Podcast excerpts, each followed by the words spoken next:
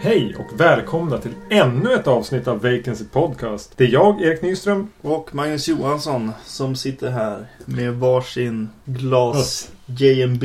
Precis. Eh, och eh, nu hade vi tänkt bjuda på en Jeff Lieberman special. Mm. Och vem är Jeff Lieberman? Säger ni. Nej, jag vet inte. Men eh, han är ju en eh, manusförfattare och regissör som eh, har gjort lite genrefilm kan man säga. Ja, eh, vi hade väl för vad kan det vara, sex, sju år sedan en liten sommarförälskelse eller crush på, på Jeff Lieberman. Vi upptäckte han lite grann av en, jag eh, minns inte ens hur. Eh, och såg några av eh, hans filmer, bland annat de tre som vi ska se nu. Och de är eh, Squirm, Blue Sunshine och eh, Just Before Dawn. Som alla gjorde sent 70-tal eller tidigt 80-tal. Eh, han försvann lite grann, mer eller mindre. Ja, precis. Ett långt tag. Och så sen dök han upp igen och gjorde... The, eh, Santas Little Helper. Just. Som jag minns när vi var mitt uppe i den här förälskelsen som varade kanske i ett par månader. Så, eh, du har sett den? Ja, precis. Den var på, på G då liksom. Att han, han pratade i press om att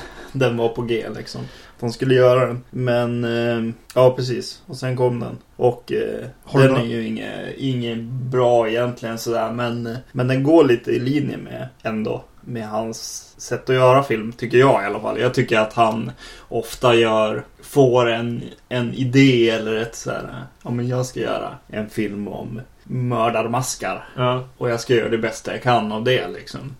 Som koncept. Och eh, ja men, ja men konceptuella filmer kanske man ska ja, just eh, säga att de är känner jag. Men eh, ja, jag har inte sett den och jag vet inte. Någon gång kanske jag ser den men det känns inte som det står högst upp på min prioriteringslista. Nej precis, jag har väl inte riktigt rekommenderat den heller.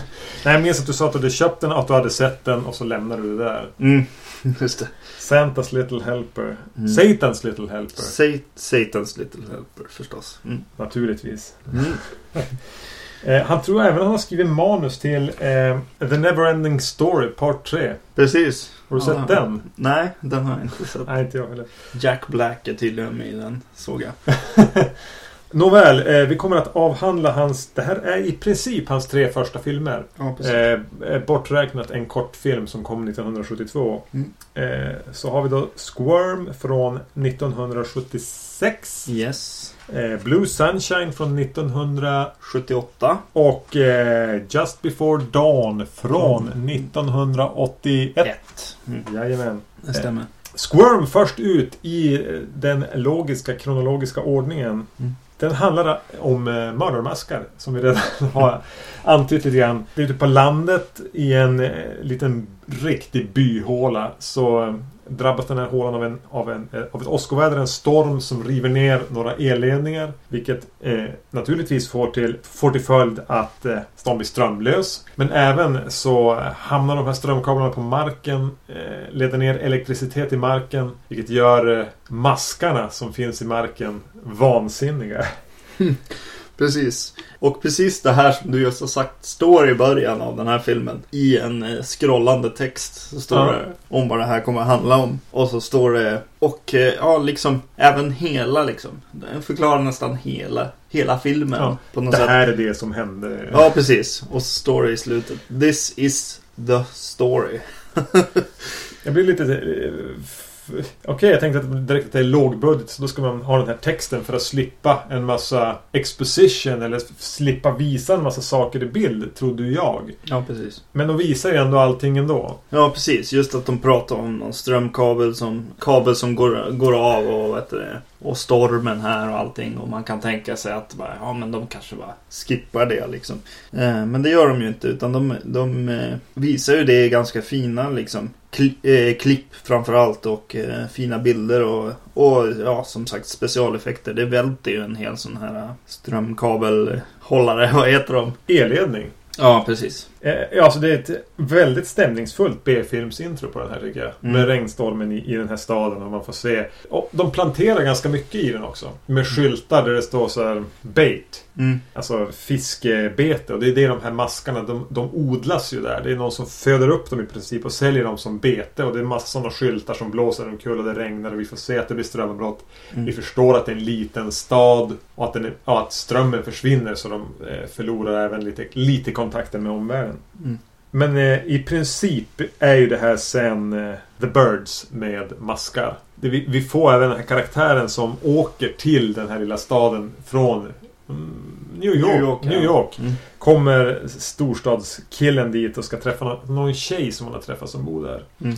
Och han blir då även hjälten som kommer in precis som i The Birds utifrån. Mm. Och får dels kämpa med att bli accepterad av alla, alla lantisar. Mm. Och dels även vara den som kan ta, ta strid mot maskarna. Mm. Och han har ju träffat en, eh, en tjej här då, från, från byn. Och eh, ja, det var som första negativa saken tycker jag. med Hon? filmen. Ja, jag tycker att hon är, hon är ju för, För mycket lantisar. för mycket hillbilly på något sätt. Så att eh, det blir, ja, nej, jag vet inte. Hon känner, känns antingen, hon låter antingen för ja, gammal eller för dum. Skulle Ja. jag säga det som. Jag skrev, har skrivit exakt samma sak i mina, i, i mina notes. Att det är lantisdialekter eh, och så är det sådär skådisar eller om det är sådär personregi från Jeff Lieberman. Mm. Som får alla att verka korkade. Ja, precis. Och det är ju synd på en, en hjältinna, eller vad man ska säga, i en film. Eh, Ja. Att, man, att man känner att hon är under, underlägsen på något sätt. Blir det i princip. Ja, man tycker ju nästan... Hon är ju som ett barn. Hon Ja, blir ju som, en, som ett, som ett eh, hormonbarn. På något vis. Alltså en, Mm. en 18-årig 8-åring. Mm. Men det, det, det jag ändå tänker ganska snabbt med en sån här, för, för som jag sa, det är ett B-filmsfoto det, och det märks att det inte är så mycket budget här. Men det märks samtidigt att eh, Lieberman är en regissör som har gått någon form av fi- filmskola. Det här säger jag utan att ha läst på med någonting. Ja. Men han, allting han gör osar filmskola i klippning. Han har lärt sig hur man ska skriva ett manus. Mm. För det, det sås saker i manus, alltså i dialogen som de skördar sen. Mm. Så skörda och även i bildspråk och allting så, så visar han att ja, men, han vet, han kan. Ja, precis. Han, han har gått filmskola, han hade säkert ganska bra betyg Mm. när han tog studenten också. Det är mer genomtänkt än man kan tro vid första anblick. Ja. Just särskilt när det blir den här extremt... Ja. Och det känner man ju. Ja, det, det kommer ju mer i de andra filmerna. Men det känns som att han är väl kanske extra kompetent som manusförfattare tycker jag. Mm. Ändå. Att han, han, han ser till att alla de här pusselbitarna liksom faller på plats som du säger. Sår skördar ordentligt och ser till att liksom vara fyndig ibland när det Mm. behövs och så. Och han gör det egentligen, ja, mycket mer än vad man kan förvänta sig av den här typen av film. Mm. Det, utan att på något sätt spoila så är det en, en, en brudkista som presenteras väldigt tidigt som de skördar väldigt sent. Mm. Och små saker i dialogen. Ja. Och sen använder han sig av lite sån här småtantig symbolik. Eller så var det jag som tolkade in den här symboliken. Sån här Mick som är hjälten som kommer från New York. Som ju ska, han har på något sätt lärt känna den här tonåriga, eller tjejen. Men eh, mamman där är ju, vill ju inte att de ska få sova i samma sovrum. Så när han, ska åka, när han först kommer dit till dem och träffar dem så får han åka eh, lastbil med ett stort isblock. Liksom i knät, i skrevet. Just det. Ja. Men du, jag måste fråga. Tänkte du på någon när du eh, såg Mick här? Hjälten? Ja, ingen speciell så. Jag tänkte på den skådisen att jag bara kände igen Ja. han. Jag tänkte på någon som vi känner båda två. Jag tänker på din, eh, din eh, heter det svåger, Daniel, som har gjort musiken till podcasten. Ja, okej.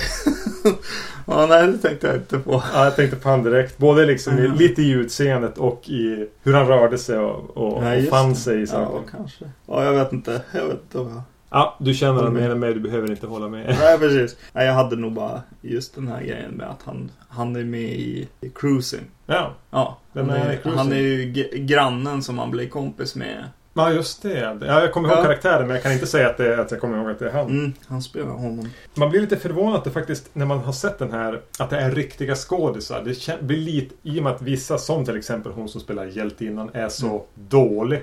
Så får man lite känslan av att han bara har dragit ihop kompisar. Ja, precis. Så kanske ska, ska man inte lägga för mycket på, på skådisarna. Nej. Det kan vara eh, Lieberman som är svag i personregi. Det är ju trots allt hans debutfilm. Ja, ändå är det några. Jag kollade upp lite grann och det är några som är bara krediterade i den här filmen.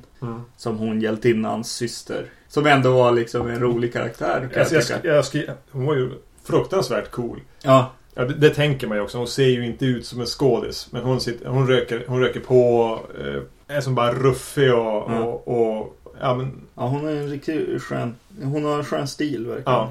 och är ju som skådespelare bättre än sin syster. Mm, ja. ja, en negativ sak ty- tycker jag. Det är att musiken är rent irriterande. För mig i alla fall. Jag tyckte att den var alldeles för mycket och jag brukar ändå inte tycka att för mycket är dåligt. Men eh, ja, jag blev, Jag kommer inte ens ihåg den. irriterad på den. Nej, det var Eh, en liten stund sedan. Eh, men ja, det, det irriterar mig när det kom in musik. Det var eh, lite jobbigt. men eh, den här filmen tar ju gode tid på sig. Mm. Man tänker också liksom en, en B eh, eh, skräckfilm om mördarmaskar. Att de ska ganska snabbt kasta maskar på oss. Men Mm. det tar ju nästan uppåt ett drygt halva filmen Mm. innan vi får se en, ett anfall. Nästan en timme in innan det blir en action. Mm. Jag, jag får en enorm känsla av att det är dyrt. Alltså de här effekterna är välgjorda för budgeten eller vad man ska säga. Så att eh, han har varit tvungen att sitta och skriva liksom filler Mm. väldigt mycket i den här filmen för att komma till liksom Att några specifika liksom scener. man tänker att, alltså, jag tänkte ett tag att det var rätt, rätt mysigt hur de liksom, ja men det får ta sin tid. Vi får lära känna den här hjälten då, Mick och Mm. Gary heter hon, hans Mm. flickvän då. De träffar varandra och de får, far och åker in till byn och de, de presenterar den här att de ser han som en outside storstadsbo med lite skepsis. Presenterar någon sur sheriff. Men ungefär efter en halvtimme hinner man börja tröttna på det. Ja, precis. Och då kommer allt det här som du säger utfyllnad i väntan på effekterna. Mm. Bland annat så hittar de ett, eh, ett skelett. Mm. Och det läggs väldigt mycket tid på att de ska ta reda på... Dels tappar de bort skelettet, det försvinner. Ja. Och de, de lyckas leda reda på det igen. Eh, ett tag trodde jag det var, skulle att det visa sig vara två olika. Mm. Och sen ska de ta reda på vem skelettet är. blir en lång scen och de åker i bil hit, de åker dit. Mm. Ja, Jeff Lieberman blir ofta krediterad med just den här filmen. Ja, när han har gjort något annat så står det gärna från skaparen av Squirm. Vilket är lite underligt för mig just för att den är den här sega grejen. Men samtidigt så inser man ju att det minnesvärda liksom från den är ju såklart äckel liksom. Mm. Effekterna och vad heter det, bara, och, och de slår på det ganska hårt mot slutet. Med i- i princip ett hav av Hav. maskar. Och det är klart att man, man går ut från en sån film från biografen och bara åh shit vad, det, vad, vad häftigt det var liksom. Men eh, då har man nog glömt en del av, av den här långa utfyllnaden. Och sen är det ju det, eh, när man, den har ju nu den är nästan på närmare sig 40 år. Mm. Den här filmen. Att liksom bara presentera dem, bara "Vi- Squirm, det är mördarmaskar. Mm. Alltså den får ju direkt en kultkänsla. Mm. I och med att det är maskar som, som eh, är mördarna och monstren. Men vi kanske kan komma in lite grann på, på just effekterna och hur han hanterar Mm. jag tycker återigen, det här känns lite grann som en, som en student, som hans examensfilm från... Mm. Eller den han gjorde efter examen, efter att ha kämpat och fått få ihop pengar. Så blandar de ju dels närbilder på, alltså som verkar vara fotade med någon stor Mm. förstoringslinje på närbilder på maskar som nästan gör utfall mot Mot kameran. kameran i princip. Ja, men, Mm. och man, ser, alltså, man förstår att de är, det är extremt förstorade. Man ser nästan deras små, små, små, små tänder. Mm. Och, och då ryter de även. Mm. Eh, sen använder man sig av lite bilder på vad som är uppenbart är maskar när de har några hundratals maskar. Ja. Som är på vissa ibland är det bara några enstaka.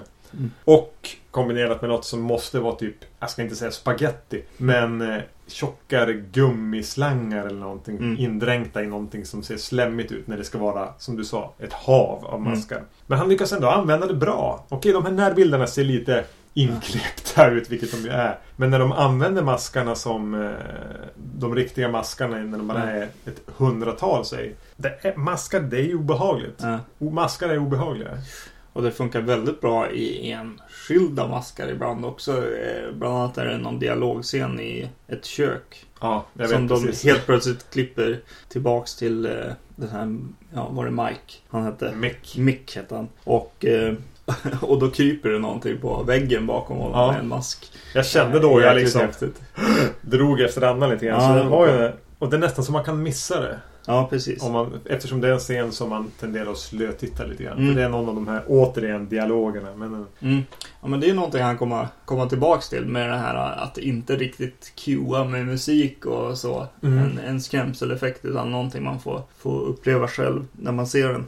Vilket ja, på något sätt skapar också en eh, filmer som man kan se, se igen. ja, det där hade man kunnat missa när man såg. Mm. Hade du sett Squirm för? Ja, jo, så, var det vi som såg den kanske? Ja, vi såg nog alla de här tre filmerna. Möjligt. Nej. jag kan inte Så det begav svära. sig. Ja, Ja. men jag, jag, jag har då sett de här. Ja, jag, jag vet att jag har sett alla, alla Mm. tre tidigare. Eh, och eh, nu mindes jag inte så mycket av just Squirm. Mer än att mina minnen av den var väl att jag inte tyckte illa om den när jag såg den sist. Mm. Men kan, jag kanske ska fråga dig vad du tyckte om den när du såg den den här gången. Den har ett ganska lågt snitt på IMDB nämligen. Den har 4,0, 4,1 eller Ja. någonting. Nej, jag tyckte det var väldigt, väldigt segt att se den här filmen. Höll i, ja, på riktigt att somna vid vissa tillfällen också.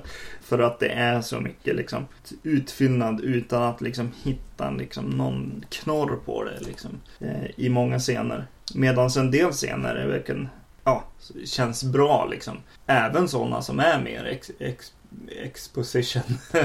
eh, som till exempel den scenen när de är, ska ut i en, eh, i en båt och sitta och, De ska och fiska. fiska. Den tycker jag är bra. Eh, rakt igenom, den är ganska lång eh, och har med flera steg i sig. Ja, nej men den, den kändes som att den var väl genomförd och, och hade rätt driv liksom. Och kunde balansera såna här, ja, bara dialog som ska föra liksom storyn framåt och så här lite äckeleffekter och sånt. Eh, eh, Så det finns ju några sådana scener och så, och så kan det vara roligt med hon, hon den här systern. Bara Ja, den här när de ska sitta och röka och... Man blir ju glad varje gång hon är med. Ja, precis. Kunde de inte bara ha bytt? Alltså jag tänkte det när jag såg den. Att han kommer dit, har träffat den här Gary. Men när han kommer dit så inser han att hennes lilla syster är mycket roligare. Och så blir han intresserad och hänger med hon istället. Mm. Det, hade, det var mitt, som, förslag på ändring av filmen. När jag kom Mm. det. hade gett en till dynamik. För det är ändå oväntat mycket story som, som Lieberman vill ha fram i den här. Mm. Han har ju skrivit och regisserat själv. Och precis som du säger. Första ha- halvtimmen tyckte jag bara, ja men vad mysigt ändå att en sån här film får ta den här lilla tiden på sig. Jag Mm. fick lite, ja men tänkte på The Birds eller från så här monsterfilmer från 50-talet. Mm. Och sen kommer det 20-25 minuter när de åker bil fram och tillbaka. Och det, det Ja, blir men- jättesegt. Speciellt när nu skådespeleriet ligger på en så pass låg nivå. Men när det väl blir mer effekt, effekter så tar den ju liv. Och han använder effekterna bra. Men, Mm. men som sagt var, det, det, är ingen, det är ingen fantastisk film det här. Nej, nej det tycker inte jag heller. Och, eh, men någonting jag måste reflektera över här och det är att det funkar Alltså bara som koncept så här, någonting som man kan ta med sig av den här, den här filmen och andra också är att eh, om man ska göra en egen film till exempel. Eh, att det funkar väldigt bra med två eller tre olika eh, hot. Eh, jag tänker på liksom enskilda, några maskar och så det här någon slags hav av maskar. Och så finns det också ett till hot i den här filmen som är någon slags maskman. Som, Ja, ja, dyker, ja. Upp, som dyker upp i den här filmen. Wormface. Precis. Och eh, ja, det liknar lite Aliens-universumet på det sättet att den har aliens och den har facehuggers. Och, ja, jag- jag börjar tänka på just Alien-franchisen. Hur skulle den vara utan facehuggers? Till exempel. eh, jag tror att det, eh, det är en ganska intressant Så kan jag tänka på. Så du menar att Aliens, eh, Alien-filmerna är väldigt inspirerade av Squirm? Ja, precis.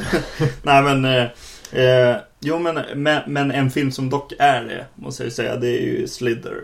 Ja, ja, ja, ja. Eh, den är ju nästan en remake på ett sätt. Eh, med just den här mask, maskmannen Mm. och maskarna. Jag tycker ändå Squirm har tillräckligt mycket som gör den intressant. Mm. För att den ändå för en skräckfilms konnässör i alla fall att se. Mm. Dels för att Jeff Lieberman är en regissör som är värd att kolla upp och då kan man lika gärna börja med att se Squirm. Dels har den ett kultvärde i mördarmaskar som ryter. Mm. Och dels så är det en skickligt genomförd film. Ja. I mån av, om man, om man ser det till budget och erfarenhet från regissören. ja, precis. Ja, precis. Jo, jo, visst. Men om man börjar med Squirm, eh, vilket vi inte gjorde tror jag. Nej, det tror jag Eh, nej. Så, ja, stick with it. Eh, för att eh, den kan bli lite seg. Det är väldigt sån här, dra ut, ja, fylla ut på tiden. Till och med eftertexterna Mm. gör ju det. Det är bara, oj, vi har en hel låt här. Vi har inte nog med namn. Så att de scrollar liksom väldigt, väldigt långsamt. Och det, jag tycker det eh, visar lite på filmens liksom, eh, tempo. Eftertexterna går i takt med eh, resten av filmen. Ja, Eh, Men det skulle dröja två år tills Jeff Lieberman fick eh, göra sin nästa film. mm. och det är ju Blue Sunshine då. Mm. Ja, vad handlar den om? Den handlar om eh, LSD. Människor börjar tappa håret och förståndet. Ha ihjäl eh, andra och sig själva. Kopplingen tycks vara en drog. Mm. De tog för tio år sedan. En man som felaktigt blir eh, misstänkt för ett av morden som en av de här skalliga vansinnes eh, har utfört börjar försöka förstå att enda chansen för han att rent få sitt namn är att eh, gå till botten med det här Mm. och eh, få alla andra att förstå vad det är som ligger bakom det här. Precis, och han agerar ju väldigt mycket i pa- panik. Alltså det är hela tiden, ja men jakt mot tiden på något sätt. Mm. Det är väldigt mycket han är väldigt stressad. Mm. Det, det är lite det där ganska typ lite Hitchcock-upplägget eller någonting. Polisen jagar han, han jagar, jagar, letar efter svaret på gåtan som kan rent få han är fel man som är anklagad för Ja, någonting. precis. Och, och eh, lösningen på gatan, eller vad man ska säga, är ju också ett hot mot honom och andra. Ja. Eh, såklart. Så han måste rädda världen samtidigt på något Mm. sätt. Eh, mm. Nu droppade jag Hitchcock det första jag gjorde men det jag får och det jag minns, det här är tror jag andra gången jag ser den är att jag får en kraftig David Cronenberg-känsla av den. I hur den inte just...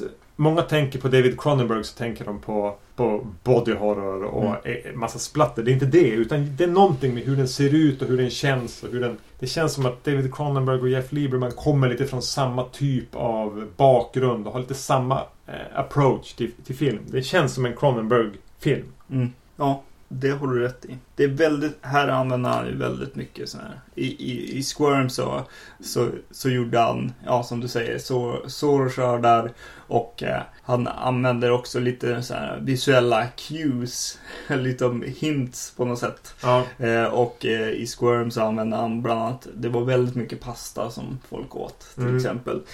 Och, och den här filmen börjar med en bild på en måne. Och en måne och håravfall får man ju, kommer man ju tänka på.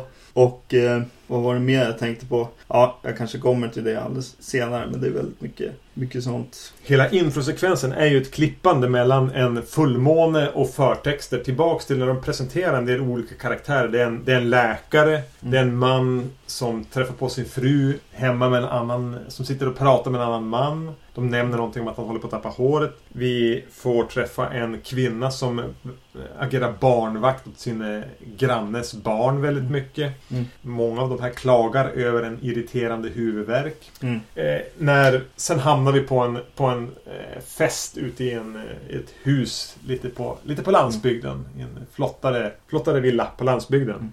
Mm. jag hoppar emellan och säger Du bryter in här. min, min till sån här bildiga grej eh, som alla använder. Det är just den här barnvakten. Hon eh, sitter och läser en, en historia om Ra Rapunzel. Ja, just det. Vilket ju också är väldigt, väldigt tydligt har med håret att göra. I samma veva så råkar barnet dra loss en lång test hår från... Alltså Från ta henne. i håret så lite på... I, lek. Och det lossnar en lång... Mm. Tillbaks till den här festen. Mm. Eh, Jag tänker mig att du kommer... Nej, jag låter det, jag låter det ta över. Du vill berätta något om festen. ja, precis. Nej, men den... Eh, det är ju verkligen eh, startskottet Mm. för den här filmen. Det, den börjar med några karaktärer som vi ska börja känna. Man börjar känna att så här, ja men det här är de vi ska följa på något sätt i filmen. Kanske att de här andra som vi har sett tidigare kommer att komma in i det här samfundet Eh, på något vis. Men eh, ja, det visar sig ju snabbt att en som, en som går upp eh, och sj- sjunger en sång helt plötsligt. Ja, Tappa drar- peruken. tappar peruken och blir lite galen och springer därifrån för att sen återvända och göra ver- verkligen otäcka. Ja, det är ett, av de, ett otroligt sadistiskt första mord i den här filmen. Ja, Det, vi ska inte, det, det, det, det fungerar bättre om man inte får veta allt för mycket om det. Men det är väldigt sadistiskt, väldigt obehagligt. mm. ja verkligen. Och det följs upp väldigt märkligt att den här huvudkaraktären som heter Jerry Mm. kommer tillbaks till... Han missar... Alltså han är inte där. Han är på festen, eh, springer därifrån, kommer tillbaka efter morden har skett. Ja. Och redan då börjar hans stressade, nästan panikartade ja, precis. Han agerande. Att han, han, han, han agerar väldigt märkligt men han förstår ju någonstans vad det är som hänt. Mm. Men det tar ett tag innan man verkligen förstår att han faktiskt har förstått. Ja, precis. Ja, väldigt häftig karaktär och det kommer in en, en annan karaktär och har hittat, ja men typ, dyker upp. Jag vet inte hur han dök upp riktigt. Jag kommer inte ihåg. Det kommer in eh, någon som vill stoppa honom. Alltså, Som ser att, ja men vänta. Jerry är här och... Det finns döda människor här. Döda människor, ja precis. Det var en långtradarchaufför Just det, som följer efter honom. som följer efter honom. Mm. Eh, in och eh, är väldigt, väldigt nervös han också. Mm. Och eh, vill egentligen prata, eller tänker sig att han ska prata ner Jerry. Men han har ju pistolen i handen. Ja, det är total panik liksom. Och, ja, och till slut så skjuter han ju Jerry Så, också. I armen lite, Ja, ja precis. lite lätt sådär. Väl, väldigt bra och starkt tycker jag ändå. Alltså, ja, framförallt skrivet liksom. Att, att man tänker så, här, så om en kar karaktär. Att den, den agerar så här. Jag tycker det var väldigt speciellt. Att eh, han som kom in och försökte stoppa honom. För det är just det där. Ja men vad ska jag göra nu då? Mm. Alltså man, man är total så här bara, ja men det är massa lik här. Det är någon som står här. Det är, ja, jag, jag har pistol. Jag, Jag måste Ja, det- tänka snabbt nu Ja, också. Jag måste... jag tycker det är väldigt bra. Eh, Man ser riktigt hur karaktärerna låser sig av stressen. ja. Det, jag håller med. Det, det, Och Jerry som sagt också. Han är ju jättestressad och, blir, eh, och ja, tenderar att liksom eh, uppleva som otroligt hotfull också. Mm. Eh, Egentligen genom filmen kan man väl säga. Ja, men, Att han, är, han är både hotfull och instabil. mm. Drar ständigt handen genom håret och svettas. Mm. Eh, Han spelas av en man som har ett ganska häftigt namn i alla fall. Han heter Salman King. Salman med Z. Som ju både är lite av en tråkmåns men är, ändå har någonting plågat och intensivt över Mm. Han är ju extremt lik Sean Penn. Vi såg den här filmen med min, med min, med min eh, sambo som sa samma sak. Va? Ja. Var det där Sean Penn? Ja, precis. I, i slu- efter filmen i princip. Ja. Eh, Och eh, ja, han är extremt lik i utseende och i skådespeleri. Eh, Och han, eh, jag tycker han är riktigt bra i den här filmen. Och jag tycker att skulle inte han vara den huvudkaraktären så kan, skulle eventuellt den här filmen också kunna ha lidit av samma sak som Squirm. Hamnar i det här tråk... Precis. Ja. Men just att man inte riktigt vet vart man har han. Kan han ha tagit den här drogen? Mm. Eh, Är ju en ständig liksom tanke som man har. Men det dyker ju upp på flera karaktärer. Det blir ju en liten paranoia-film. eh, Mm. Det här i och med att man, det dyker upp karaktärer som man söker upp av olika anledningar. Och man undrar ständigt, är det här också en? Kommer den här att tappa håret och bli vansinnig? Mm. Och de gör ju några... Eh, den här är också skriven och regisserad eh, av Jeff Lieberman. Att de gör ett par spänningssekvenser liksom. Är det här en Ska han tappa? Är det Ja, precis. som är ganska bra genomförda med tanke på att det, återigen, det här är ingen högbudgetfilm. Mm. Ja. Eh, Den här huvudpersonen som du, eh, skådisen som du kunde namnet på. Zalman King. Just det, han, han tittade på, på IMDB medan vi såg filmen. Det enda jag gjorde kon- konstatera var att han dog i fjol, 70 år gammal. Det var det jag noterade. Han har regisserat massor av film. Eh, mest med eh, erotiska undertoner. verkar som. Eh, bland annat den här eh, Wild Orchid. Eh, med eh, Mickey, den- Mickey Rourke. Black Sabbath-låt. Ja. Men... Eh, Instrumental Black Sabbath-låt. just det. Han är regissör alltså. Ja, precis. Också. Men också skådis. Mm. Han har gjort mycket, eh, mycket skådisroller också. Precis som Sean Penn då. Just det. Kanske blir en Salman King special någon. Just det. Nu ser man så här halverotiska thrillers. Eller snarare erotik med thriller-tendenser kanske snarare. Eh, lät det som i alla fall på vissa titlar sådär som jag tittade på. Ja, Jag måste bryta in med det här. Det, är, ju- det, det återkommer ju ett par gånger det här med hår, hårtappandet. mm. Och det är ju något obehagligt mardrömslikt just. Okej. nu, nu har jag börjat tappa hår. Men det har jag gjort i, i 15 år. Mm. Men just det här med att, att, att liksom säga att du drar handen genom håret och tar ner den så håller du i Mm. halva skalpen. Det är ju den här klass, typisk mardröms... Det finns någonting riktigt, riktigt obehagligt i det som den här filmen kanske inte fullt ut fångar upp. Nej. Men i mångt och mycket. Mm. Eh, framförallt den, den kvinnliga karaktären som, som, som vi nämnde tidigare fick en, en hårtest avslutad av ett barn. Mm. Att en panikkänsla av att åh nej, håret är någonting viktigt. Jag kan ju inte tappa håret. Hur ska jag kunna få stopp på det här? Ja. Just och den här kopplingen att det känns som något som alla har drömt någon gång. Mm. Ja, precis. Det är ju en mardröm. Ja, precis. Definitivt. Ja, vad ska man... ja, ja, nu hoppar jag lite. Men eh, vid något tillfälle så kommer det ett foto i, i tidningen på, eh, På den en sån här skallig... Ja, och jag blir väldigt konfunderad på vart det där fotot är taget. För under hela filmen så är det så här. Nej, jag visste inte att han tappade hår och sånt där. Utan det måste ju ha tagits under den här mordnatten. Ja, korta intensiva mordnatten. Ja, Men tog och, och att det dagen efter är publicerat. Ja, i, precis. i, det är lite, lite grann som i en, eh, någon av eh, Friday the 13th filmerna när de sitter och går igenom tidningsklipp så är det en bild på Jason som liksom höjd machete mot kameran i ett tidningsklipp. Ja, det är lite så. Det är roligt för här, här har han fått till väldigt bra scener även lite utan dialog och utan mycket. Helt en spänningsgrej liksom. Han, han Jerry besöker en mord, eh, en av de här mordplatserna Mm. som dyker upp i, i, i filmen. Och den kändes väldigt spännande tyckte jag. Och, och häftigt filmad och så. Där använder ju även Lieberman av det här vi pratade lite om. Han har små smarta berättarknep hela tiden. Så skörda, så skörda. Mm. Ska vi pausa och tänka på det här med så skörda? Det känns som att vi tar det för givet. Mm. Men att, att man liksom berättar någonting i förbifarten eller i bakgrunden i början av filmen. Som Mm. sen visar sig få en, en, eh, Ja, precis. En Eh, större det- roll Eh, sen. ett exempel. Om man filmar en, eh, en pistol vid något tillfälle så måste den... A4 eh, innan. Ja, precis. A4 senare. Och han gör samma sak här. I, redan väldigt tidigt i filmen så presenteras det en papegoja. En stor färggrann papegoja. Lite utom... Okej, man tänker på att det är en papegoja där. Men Mm. inte att den ska ha någon vikt. Men den används otroligt snyggt sen. Spelad av Jeff själv. Jeff Lieberman spelar papegojan. Ja. Han är väldigt duktig skådespelare. ja. Okej, kanske rösten då. Eh, jag, ja. jag gillar hur han eh, kopplar ihop saker i sitt huvud, den här Jerry, i något tillfälle.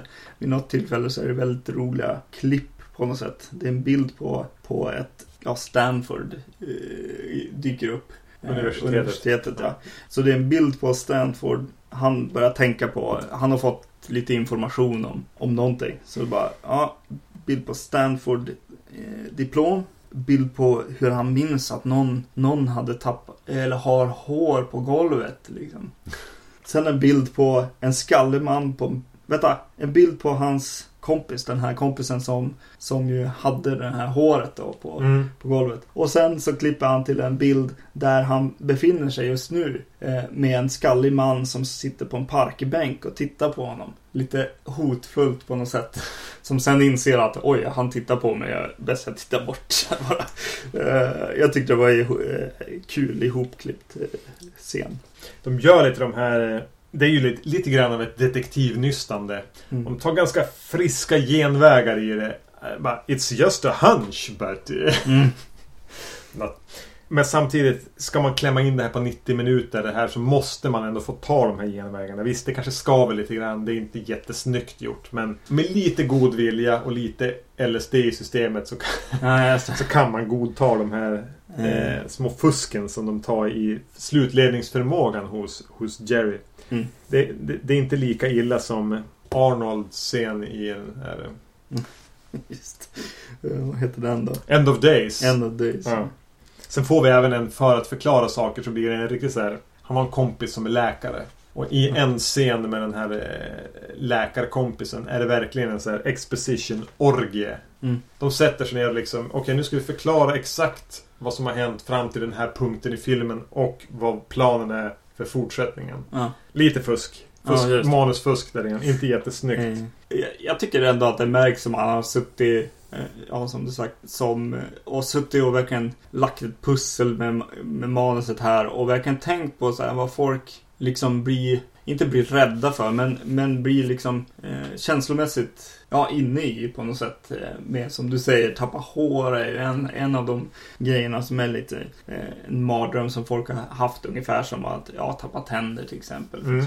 Eh, och eh, jag tycker det är ganska smart ändå att lägga in en eventuellt av de här sjuka personerna bland barn. Mm. Det är ju också ett, ett knep som man använder här som, som jag tycker ändå funkar. Men det är ju precis som i Squirm. Så är det oväntat mycket story i den här filmen. Ja. Det är ju en detektivhistoria när han ska nästa sig fram för att bevisa sin egen oskuld. Mm. Eh, men de har ändå lagt in poliserna som jagar honom, tar kontakt med personer i hans närhet och hela tiden kommer närmare. Mm. De lägger även in en liten eh, bihandling med en valkampanj och en, Mm. En som vill bli senator eller vad han vill bli som också kanske har kopplingar till det som för tio år sedan var den här drogen och kopplingar till nuläget. Mm. Eh, jag tror det var den där valkampanjen eh, bidrog till att fick mig att tänka på David Cronenberg. Men just jag vet inte om du har sett Dead Zone? Nej. Nej. För er som har sett The Dead Zone så förstår ni den kopplingen. Mm. Ja, vad ska jag sen säga? Du, eh, jag tänkte fråga dig en sak. Mm. Du hatade musiken i Squirm. Du blev irriterad på den. Mm. Vad tyckte du om musiken i Blue Sunshine? Ja, i den så har jag den enda kommentaren som jag har på musiken som jag har skrivit ner är Ja, han gillar verkligen extremt överdriven musik. Ja. Eh, I det här fallet har jag inte satt någon värdering på det. Så att eh, jag måste ha tyckt att det har varit lite, funkar lite bättre i den här filmen ändå. Men, men jag reagerar ändå över det. Ja, att det blir lite väl mycket. Kan jag tycka. Han använder den. Han är ju inte blyg för att använda den. Nej. Utgåvan som jag har av den här, den är ganska gammal DVD-utgåva så följer soundtracket med. Jag antar att du har samma utgåva någonstans i... ja, ja, absolut. Ja. Mm. Ja, det är ingenting jag kommer att lyssna på när jag går till jobbet på måndag. Nej, nej. Men ändå, jag tyckte den lyckades. Det var någon... eh, Jag tror det, den fungerar ganska bra i inledningen. Eh, Den har väl vissa så drömska kvaliteter. Eh, För den här förvirrade känslan i början innan man riktigt har fått grepp om vad det här är. Då tycker jag musiken funkar ganska bra. Mm. Sen... Jag vet inte. Det är inte ett helt lyckat soundtrack i, i, i förlängningen. Och ibland används det väldigt mycket. Jag håller med. Jag tyckte, ja men som sagt. Kanske ska säga det här just innan nästa film, jag vet inte. Men Lieberman slår ju mig som en ganska smart person. Han är duktig manusförfattare framför allt. Och han är ganska bra och igen smart och eftertänksam regissör på något sätt. Och eh, just den här manusdelen av honom eh, hittar jag en, en scen som var bara, ja det här är ändå bättre på manusnivå. Och det är när han, när den här eh, Jerry åker till eh, den här eh, barnvaktskaraktären och eh, försöker få ut information ur henne. Mm. när jag sätter vad de säger till varandra i bara texten, liksom lyssnar på det så här, så, så hör jag en helt annan scen egentligen. Hur, hur den framförs och så. Den här eh, skådespelaren, han lägger ju in en massa i sin karaktär i och med att han är en så ja, fylld skådis på något sätt. Så i just den här scenen så tycker jag ändå att det det faller lite grann eftersom att han har, här har han verkligen skrivit hur den ska levereras. Tyckte jag med läsa in i den så här. Att, att, att det fanns en pacing i själva dialogen så här, som inte användes i, i filmen. Eh, men eh, så, så på, ett, på, på ett sätt tyckte jag att det var en väldigt bra scen. Mm. Och på ett sätt tyckte jag att den ja, fumlades bort lite grann. Men, Det är hans andra film. Han lär sig fortfarande. mm, Det jag tycker är den största svagheten med Blue Sunshine. Det är slutet. Jag tycker den har ett mycket svagt slut. Ett antiklimax till slut. mm. Eh, ett slut som, är, som bara skriker uppföljare också. Eller efterföljande tv-serie. Ja, just det. Ja, det hade ju funkat. Eh, ja, Jo, jag tycker verkligen inte det. Den planar ut i... Alltså den får inte det slut den förtjänar. mm, Men som det låter på dig, om jag ska tolka dig, så tycker du ändå att Blue Sunshine är ett snäpp upp från Squirm. ja absolut. Den är, eh, han lyckas mycket bättre att hålla mig intresserad i, i, i, genom scenerna och vill hänga, hänga kvar. eh, Liksom.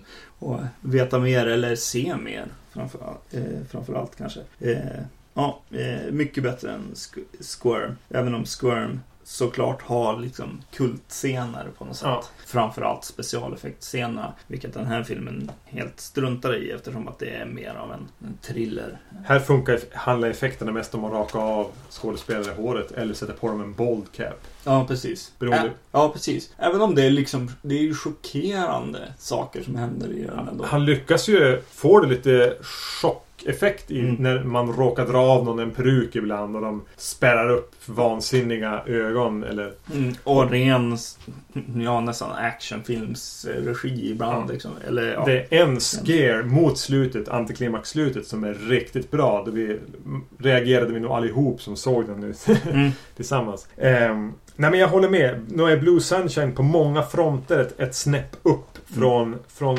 Squirm. Den fastnar inte på samma sätt i ren utfyllnad. Även om jag kan tycka att den trampar lite så här thriller... Eh, trampar vatten rent thriller, deckar, t- tristess. Den har några schyssta scener. Den har obehagliga segment. Och den är, den är liksom en... Som andra film då, som en vidareutveckling. Så ser man verkligen att han, han är på väg någonstans. mm, Och den tredje filmen mm. i hans karriär och den tredje filmen i den här Jeff Lieberman specialen Mm. är Just Before Dawn från 1981. Som handlar om ett gäng ungdomar.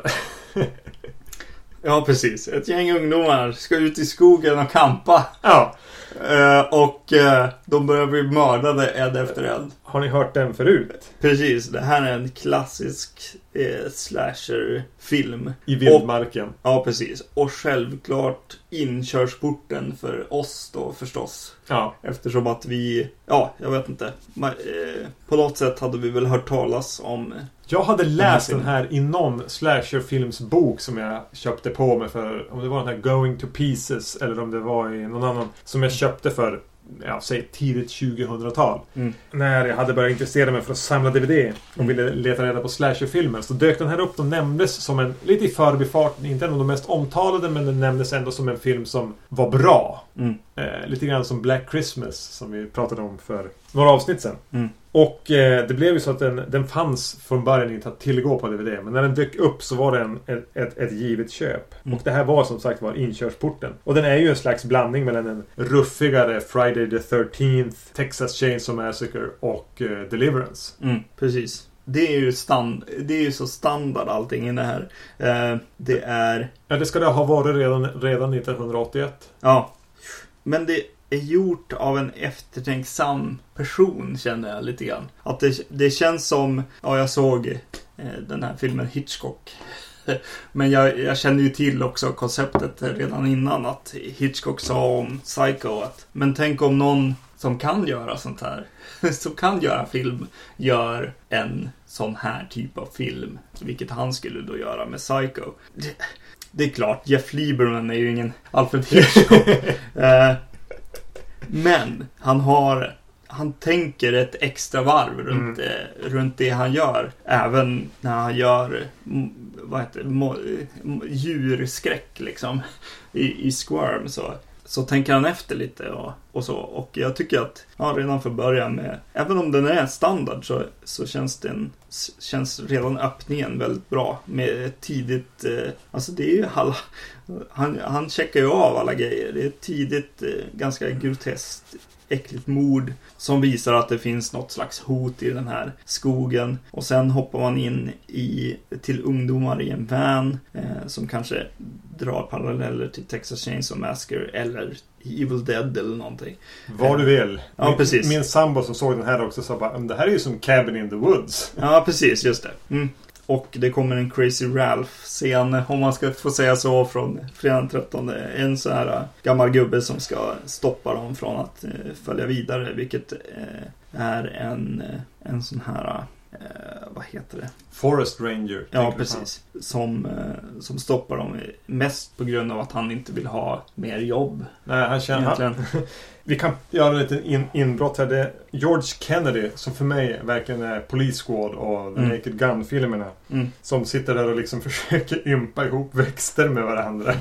Han har typ någon slags liten, eh, liten tallplanta. Väldigt liten, bonsai-aktig. Där han har på något sätt nästan limmat på någon bladväxt. Ja, precis. Han försöker få...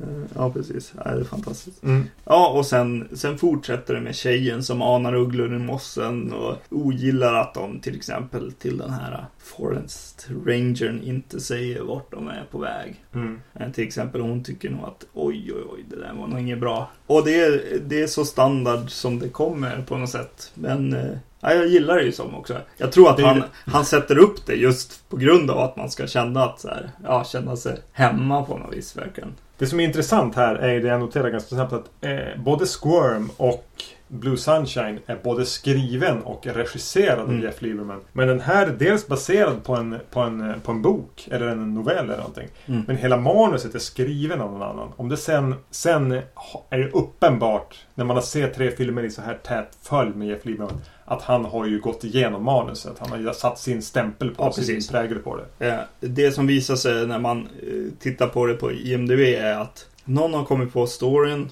Eh, Det kanske är en bok. Ja, ja det stod Based on the novel by. Ja, novel. Okej. Och sen är, finns det en författare. eh, Två författare. Ja, det noterade jag. Ja. Och en av dem är Är Jeff Lieberman. Jeff Lieberman. Ja, ja, Eh, men han går under pseudonym här då. Eh, det är tydligt för man känner igen lite grann av hans så eh, skörda eh, Mm. idéer och... Eh, precis. Den här filmen eh, tidigt hette The Last eh, Ritual. Och hade en, en mycket tyngre religiös koppling Ja, det, också. vaga religiösa kopplingar ser man ju i den här med någon kyrka och, och rent rednecks ute i skogen. Ja, precis. Och, och djävulen nämns. Ja. Men, men det är ju liksom det som finns kvar av det tror jag. Eh, och, och även kanske en, ja, nu hoppar jag fram i filmen lite grann, men, men de här ungdomarna står vid något tillfälle och dansar runt en lägereld. Mm. Och då får jag också känslan av att de är liksom så här i någon slags ritual. Hedningar. Ja, hedningsritual. Som inte riktigt tar vägen någonstans, men man känner av en känsla av att vänta, det här har jag sett förr, fast inte som massa ungdomar som lyssnar på 80-tals eh, ja, syntpop liksom. Jag tycker att den börjar lite trevande med det här första mordet är några som är lite det här nästan före förtexterna mordet. Mm. Eh, börjar lite trevande. Eller så är det jag som inte har va- riktigt vant mig vid filmen än. Mm. Sen träffar vi ungdomarna, sitter i sin, sin stora jädra husbil och lyssnar på Blondie, Mm. Heart of Glass. Alltså hur de kunde så spela en sån brottarhit i en sån här liten film. Jag, Ja. förstår, jag förstår inte. Nej, men det är fantastiskt. Man blir, Ja. så, jävla, man blir så glad av Ja, att... man vill nästan så här ställa sig upp och liksom Ja. dansa. ja. Och efter det liksom så sitter det.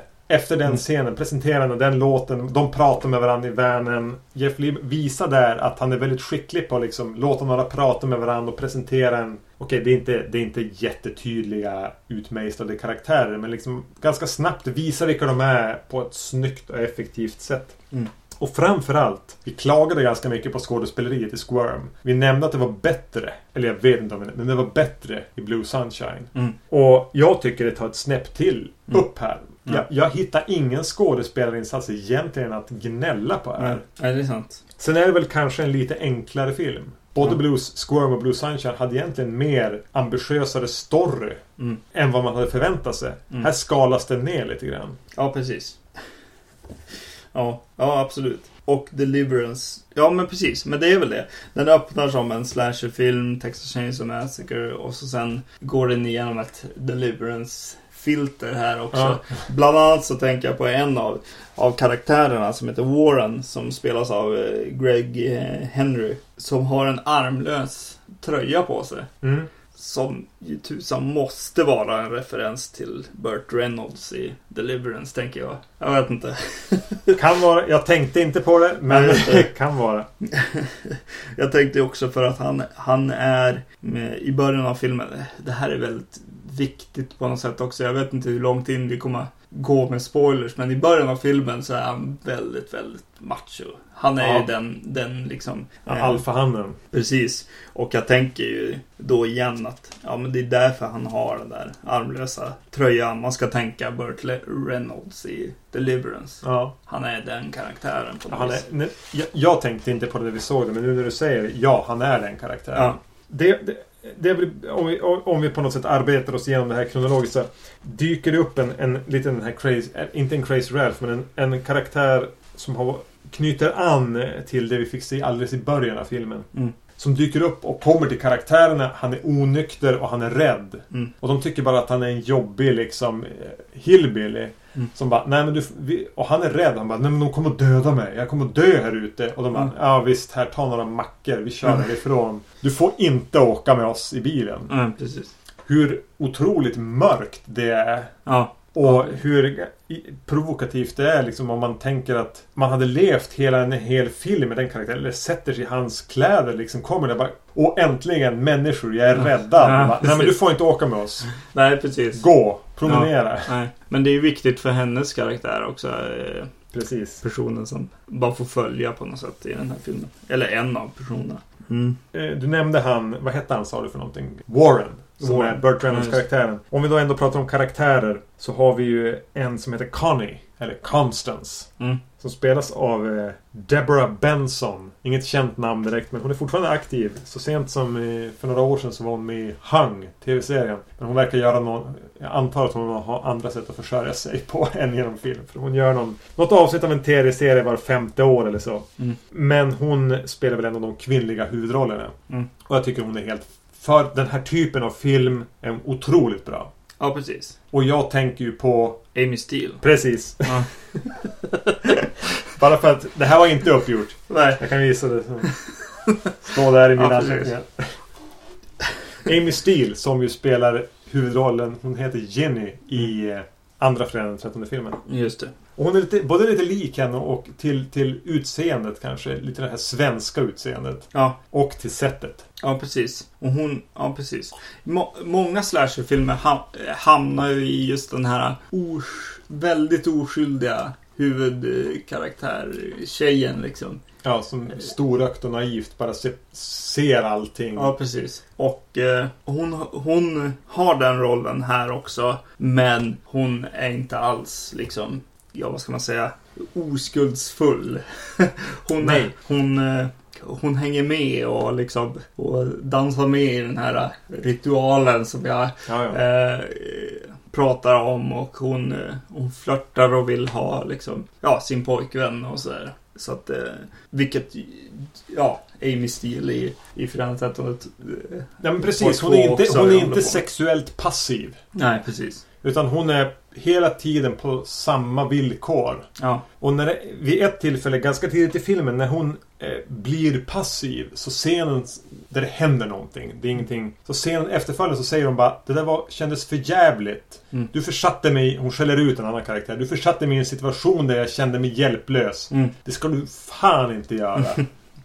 ja nej, Det där, ja. nej, det är helt bra. Och just återigen det vi har berömt Lieberman för. Han kan, här visar att han, han kan skriva en karaktär som är sammanhängande och utvecklas och fullt logisk Mm. genom hela filmen. Ja, precis. Men i övrigt liksom, jädrar vad den här lapa i sig miljöer.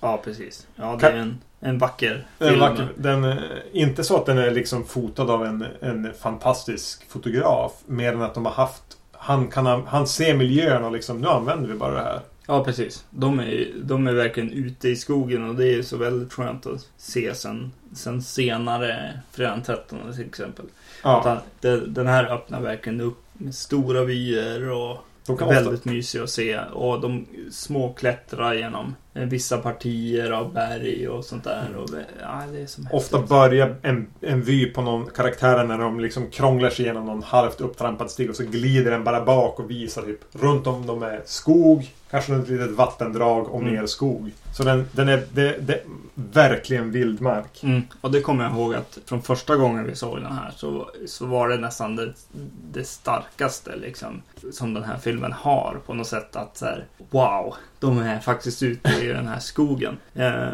en skog som fick mig att tänka på nu när vi såg den på eh, First Blood, Rambo. Ramboskogen. Eh, skogen eh, mycket, bara vad de har för liksom växter och, och, och så. Och även hur, hur berg verkligen är bergsväggar liksom. Ja, det, det är väldigt bergigt och de, de tumlar runt i det. Ja. Alltså den, just att de använder miljöerna så mycket och bjuder på dem. Det gör ju att det, alltså det känns äkta. Det känns verkligen som de är ute i vildmarken. Inte så att det känns här hela tiden direkt realistiskt. Alltså det är, det är väldigt mycket en film hela tiden. Mm. Men det, miljöerna ger verkligen den här äkthetskänslan som, ja men precis som du sa, som saknas i, säg, Friday the 13th 3 och framåt. ja, precis. Där de bara har byggt upp någon slags plastskog i en studio. Eventuellt Mm. spela in någonting någon, på någon backlot i Texas. Mm. Det här är skog. Ja, precis. Ja. ja, på tal om skog. På Så tal ska om jag skog. säga att eh, det är ofta svårt för en slasherfilm i- i skog. Då man borde... då- man känner att man borde kunna fly eller gömma sig väldigt enkelt. Det är bara att springa åt ett håll. Men det känns som den här filmen ändå använder ett grepp som botar mycket av det. De skapar ett sätt för mördaren att täcka mycket mer landmassa på kort tid. Som fungerar väldigt bra tycker jag för att förklara det här Ja. i alla fall. Något Mm. som är.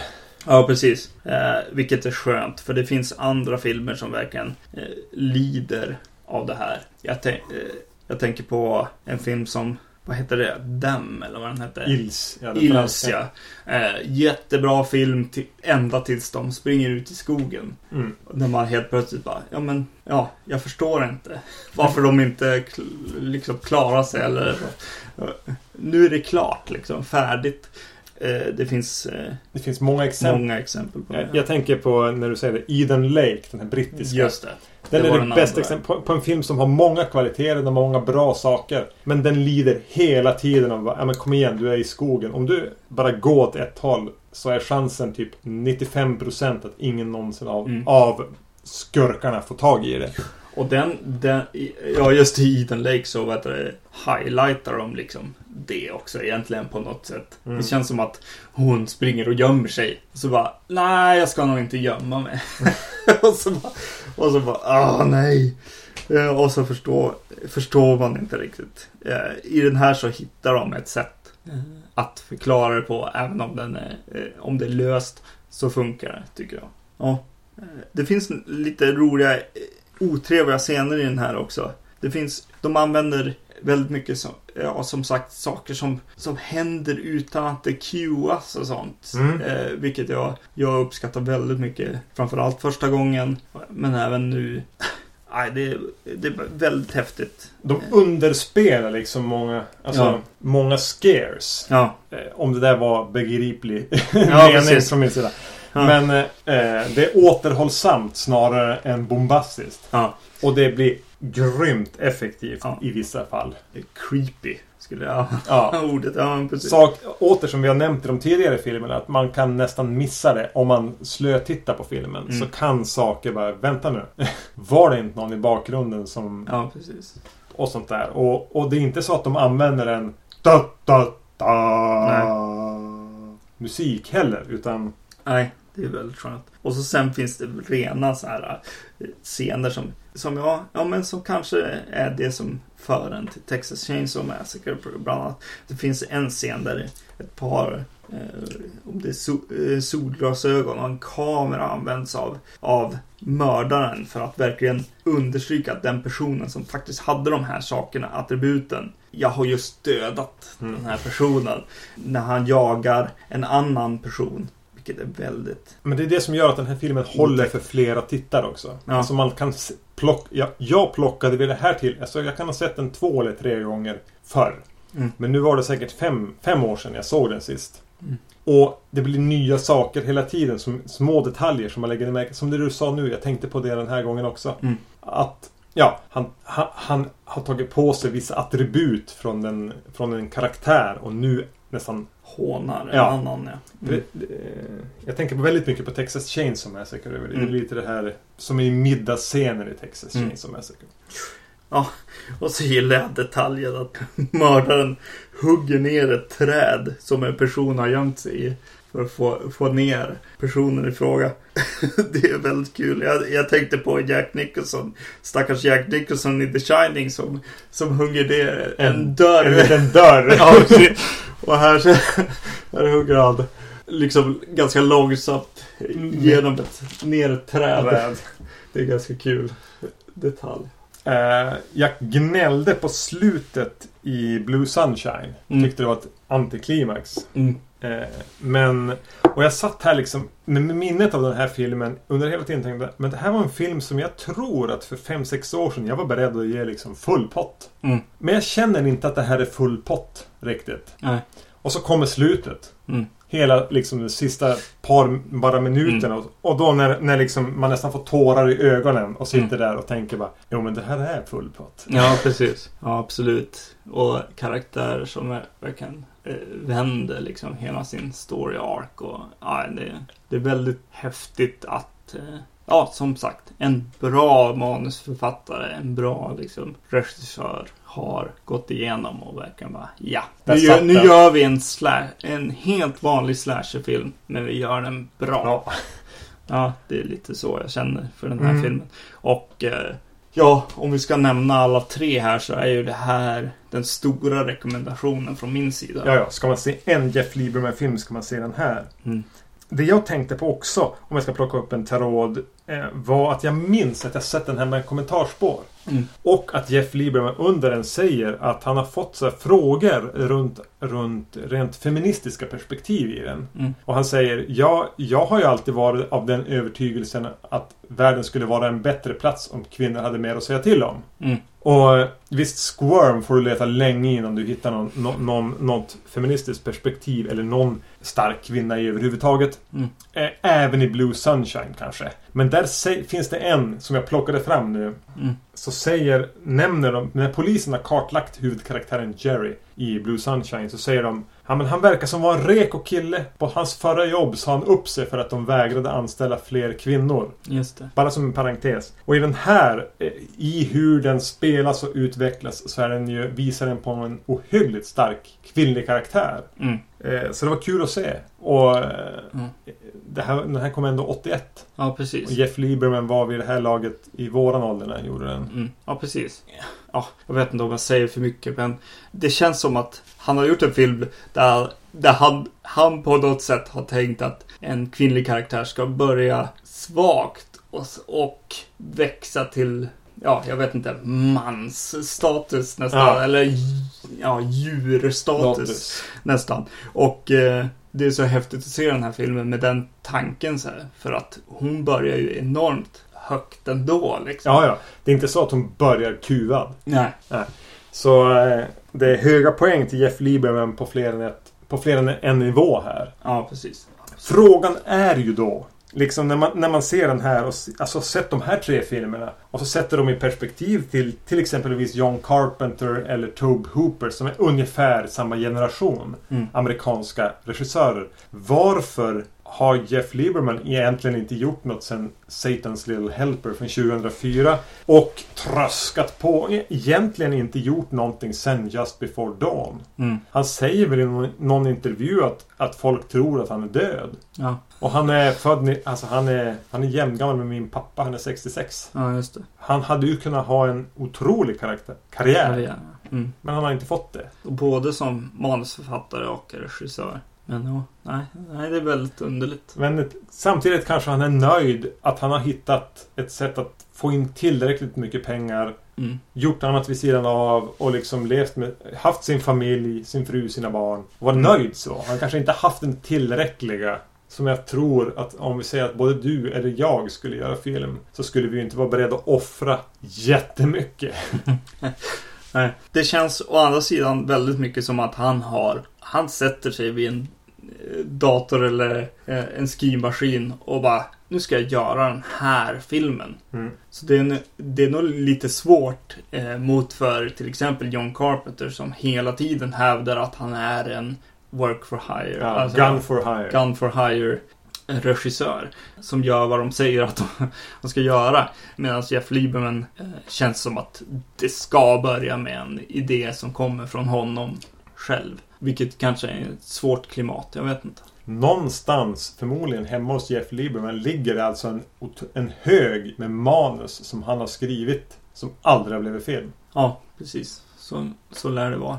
Nåväl, vi har hyllat återigen eh, så här återvända till en sommarförälskelse. Mm. Jeff Lieberman. Trots att vi ju egentligen bara är beredda att utnämna Just Before Dawn till den här filmen som man faktiskt ska se. Som Ja. han har gjort. Ni kan skippa Squirm. Ni kan skippa Blue Sunshine. Jag tycker ni ska se dem. Men ska ni se någonting, se Just Before Dawn. Mm. Och eh, fundera en stund på varför Jeff Lieberman inte har gjort, mer fler, gjort fler filmer. Mm. Och medan ni funderar på det ska ni naturligtvis gå in på eh, iTunes och ge oss höga betyg. Ni ska naturligtvis tala om för alla era vänner som ni vet tycker om den typ av filmer vi tar upp här på Vacancy Podcast och rekommendera oss till dem. Ni ska eh, besöka vår hemsida på www.vacancy.se. Skriv en kommentar. Lägg upp era favoriter. Eller mejla oss på podcastetvacancy.se och gilla oss på Facebook. Yes. Men eh, så mycket mer än så hade vi inte den här gången utan eh, vi ses snart igen. Vi ses. Hej då! Hej då! Goddamn trucks!